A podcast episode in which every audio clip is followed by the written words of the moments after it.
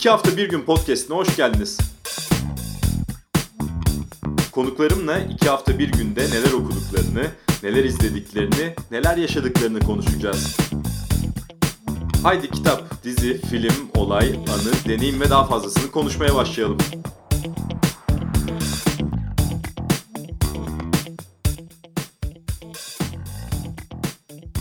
İki hafta bir günün yeni bonus bölümünden merhaba. Karantina devam ediyor. Koronavirüs nedeniyle ne yazık ki hayatını kaybedenlerin sayısı artmaya devam ediyor. Vaka sayısı artmaya devam ediyor.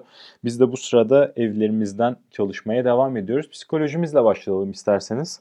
Ee, benim açıkçası başlardaki dikkat dağınıklığım, odaklanma güçlüğüm geride kalmış gibi görünüyor şu ana kadar.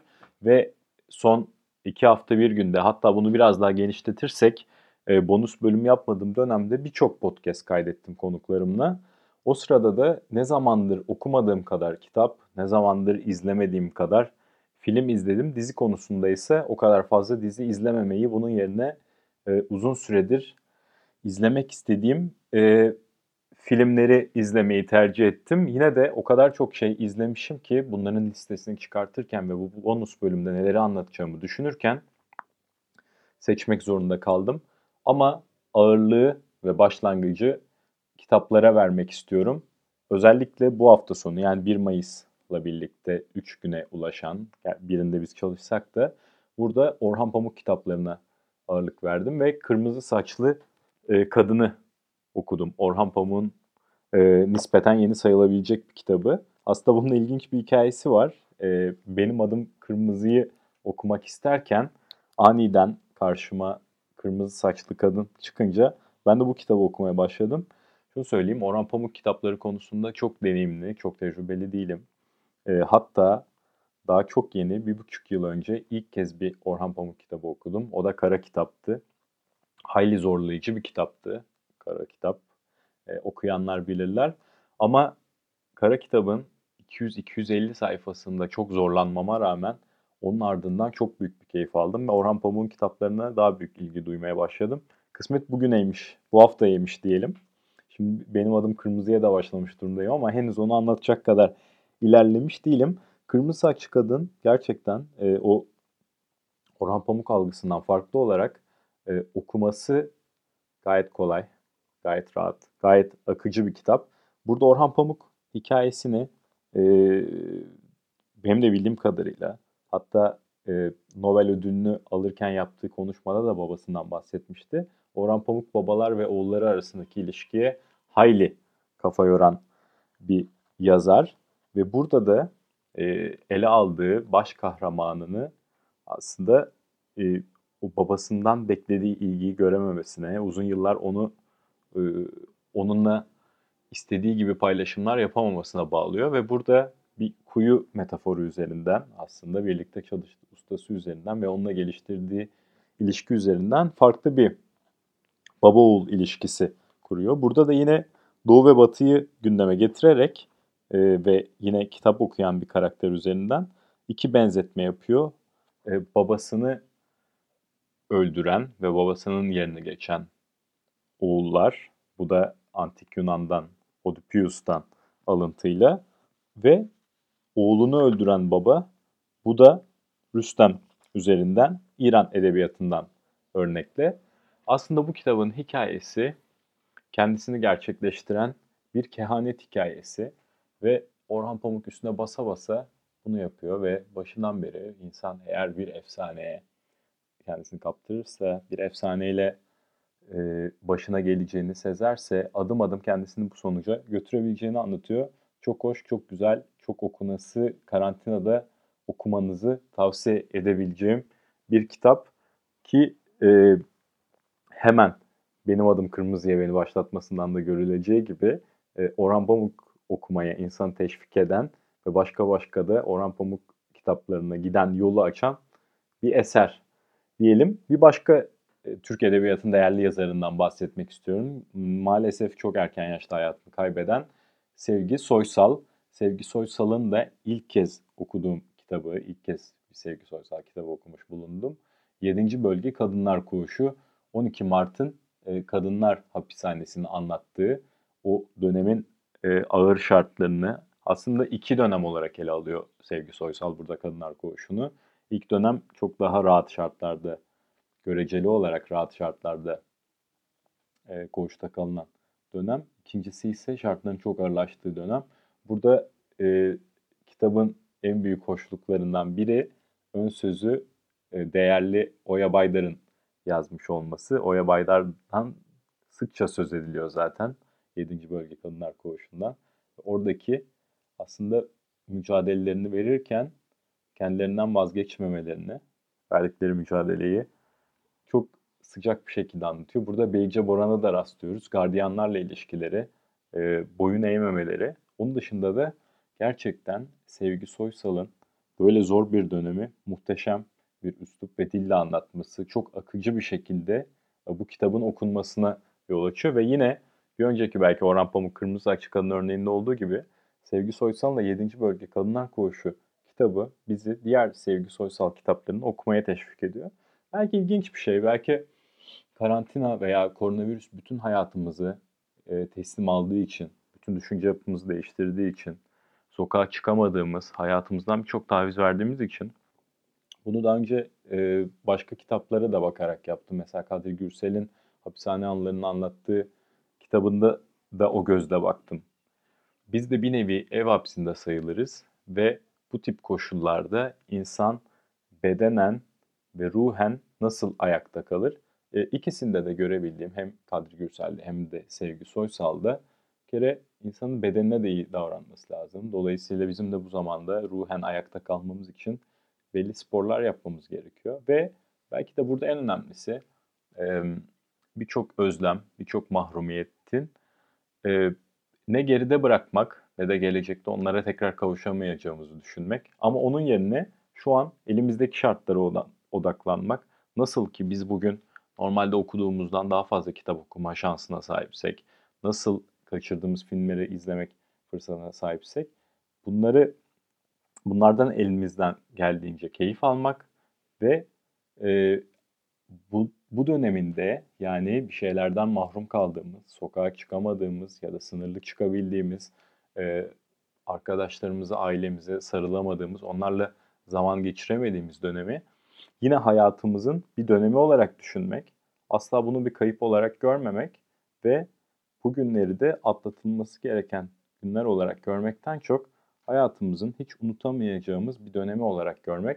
Ben bu açıdan da Sevgi Soysal'ın o hayata olumlu bakışını, e, üslubunu çok çok değerli ve özel buluyorum ve sizlere de mutlaka ve mutlaka e, tavsiye ediyorum. Şimdi dizilere gelirsek ben çok büyük bir Michael Jordan hayranıydım birçokları gibi, birçoğunuz gibi ve Netflix'te yayınlanacak normalde ESPN için hazırlanan The Last Dance'i 10 bölümlük Michael Jordan belgeselinde çok büyük bir hevesle bekliyordum. Fakat bu kadar güzel olacağını da bildiğim bir hikaye olmasına rağmen tahmin edememiştim. 3 akıştan ilerleyen bir belgesel. Henüz 4 bölümü yayınlandı. 4 bölümünü izleme şansına kavuştuk.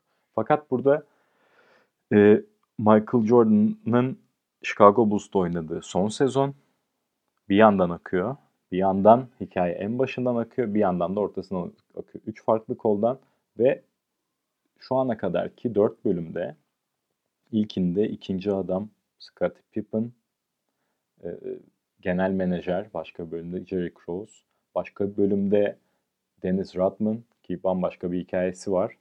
E, son bölümde de Coach Phil Jackson hikayelerinde bir yandan görmüş olduk. Yani aslında e, Jordan belgeseli sadece bir Jordan belgeseli değil, bir dönemin basketbolunu, 90'lar basketbolunu çok iyi gözler önüne seren, hatta 80'ler basketbolunu burada e, ünlü Isaiah Thomas liderliğindeki ama o takımın öne çıktığı Bad Boys, Detroit Pistons'la olan rekabetlerinde çok iyi görüyoruz. Şansıma bundan 3 hafta kadar önce de ESPN'in 30'da 30 belgeselleri var, spor belgeselleri. İzlemeyenleriniz varsa mutlaka tavsiye ederim. Çok iyi belgeseller. Buradaki Bad Boys belgeselini izlemiştim. Detroit Pistons oyuncuları o zamanın NBA kurallarının da izin verdiği ölçüde tırnak içinde ya da kelimenin tam anlamıyla rakiplerini dövüyorlar. Jordan kurallarında da durduramıyorlarsa havaya kalktıktan sonra Jordan'ı bugünkü kuralların asla müsaade etmeyeceği şekilde ittiriyorlar. Ya da Boston Celtics'te olan seride Larry Bird'ü sinirlendirip resmen onunla kavga ediyorlar. Bugün olabilecek şeyler değil. O günün koşullarında gerçekleşmiş şeyler. Burada nasıl olsa zamanımız da varken size tavsiyem bir yandan The Last Dance'i izlerken yani bir yandan Chicago Bulls'un gözünden Detroit Pistons'ı ve Bad Boys'u izlerken e, aynı zamanda gidip Bad Boys belgeselini izlemeniz. O zaman da Detroit bakış açısıyla Michael Jordan'a bakmanız. Çünkü The Last Dance belgeseli e, New York Times'da çıkan bir eleştiri yazısında da var, vardı. Ne kadar epik bir belgesel olsa da aslında bir tarafın görüşlerini diğer taraftan daha çok veriyor ve dolayısıyla e, Jordan'a dışarıdan bakışları da görmekte fayda olduğunu düşünüyorum. E, burada bir ekleme daha yapayım e, meraklılarına. Murat Muratanoğlu'nun Bir Zamanlar Amerika serisinde iki Jordan bölümü var. E, her ikisi de yarım saatten uzun ve ve Murat Muratanoğlu da aslında iki bölümün bile Michael Jordan'ı anlatmaya yetmeyeceğini söylüyor bu belgeselde. Onunla da eksik bilgileri e, tamamlayabilirsiniz. Gerçekten Murat Muratanoğlu kendisinden bekleyeceğimiz gibi harikulade bir şekilde anlatıyor. Michael Jordan'ın hayat hikayesini. Bir başka dizi e, bu dönemde izleme fırsatı bulduğum e, Medyascope'tan yine Kaya Hayze'nin bana daha önce dinleyenler bilirler SPQR Roma tarihini Mary Beard'ın önermişti. Bu da çok iyi bir e, kısa dizi. 8 bölümlük The Loudest Voice. E, aslında Türkiye'den Amerikan medyasını takip edenlerin hepimizin eksik olduğu bir konuyu bize anlatıyor. Çünkü daha çok dünya ile ilişkisi olan Amerikan televizyonları e, deyince aklımıza ilk gelen CNN International'dır. Veya basın dediğimiz zaman Washington Post'u veya New York Times'ın hikayesini en başta ya da Boston Globe'u biliriz. Fakat burada çok iyi gördüğümüz gibi aslında 90'ların başından itibaren Amerika çok kutuplaşmış bir ülke ve demokratlar ve cumhuriyetçilerin izledikleri televizyon kanalları veya okudukları gazetelerde tamamen ayrılmış durumda. Biz burada dışarıdan bakanlar olarak dünyaya daha açık oldukları ve küreselleşmeci oldukları için demokrat bakış açısının daha egemen olduğu medya gruplarını görüyoruz ve bunların karşısına daha önce e, CNBC CNBC televizyonunda e, önemli görevlerde bulunan hatta bazı cumhuriyetçi başkanları da danışmanlık yapan Roger Ailes'in hikayesini görüyoruz. Roger Ailes e, Russell Crowe canlandırıyor. 140 e, kiloya yakın bir obez halinde görseniz zor tanıyacağınız çok iyi bir oyunculuk sergiliyor Russell Crowe burada. Ve Fox 1996 yılında kurulan ve 2016'ya kadar CEO'luğunu yürüten onlarca belki yüzlerce milyon dolar kazanan ama daha çok da Murdoch ailesine ve Fox'a kazandıran yani bugün Amerika'daki siyasi kutuplaşmanın e, cumhuriyetçi tarafını tutan adeta cumhuriyetçi kale durumundaki Fox News'un hikayesini Roger Ailes eliyle 8 bölüm gibi kısa bir sürede görme fırsatı buluyoruz ve 96-2016 arasındaki kritik seçim döneme, dönemeçlerinde Fox News'un tavrının ne kadar Amerikan siyasetinde belirleyici olduğunu buradan görebiliyoruz. Ee, şimdi burada en kritik dönem ve Fox News'un özelinde ve Roger Ailes özelinde kritik olan dönem Obama dönemi. Ailes gerçek Amerika'yı söylemini tamamen demokratlardan ayırıyor ve diyor ki kıyı şeridindeki Amerikalılar başka bir yanılgıda olsa da gerçek Amerika kıyı şeridi değildir diyor. Bunu da zaten seçim sonuçlarında her zaman görebiliriz. Ve Obama'nın siyah olması, Müslüman olduğu yönündeki iddialar, onun Barack Hüseyin isminin ısrarla vurgulanması döneminde görüyoruz ki Obama döneminde Cumhuriyetçi Parti'de daha önceki Cumhuriyetçi Parti döneminden daha farklı bir nefret söylemi tırmanıyor. Ve bu Trump'ın seçildiği dönemde gördüğümüz daha beyazcı e, söylemin o gerçek Amerika, Amerika'yı yeniden e, harika yapacağız söylemin altında Roger Ailes baya baya büyük katkıları olduğunu görüyoruz. Ve o da Trump ortaya çıktığında çok heyecanlanıyor zaten.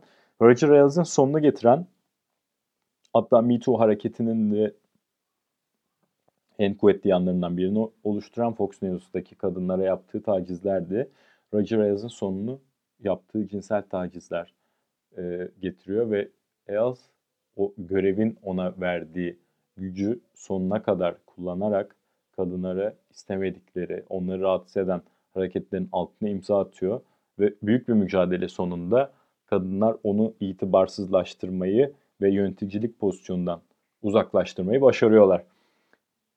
İzlemenizi tavsiye ediyorum. Şimdi e, bu dönemde çok hoşuma giden bir şeyden söz etmek isterim. Malum e, maçlar yok.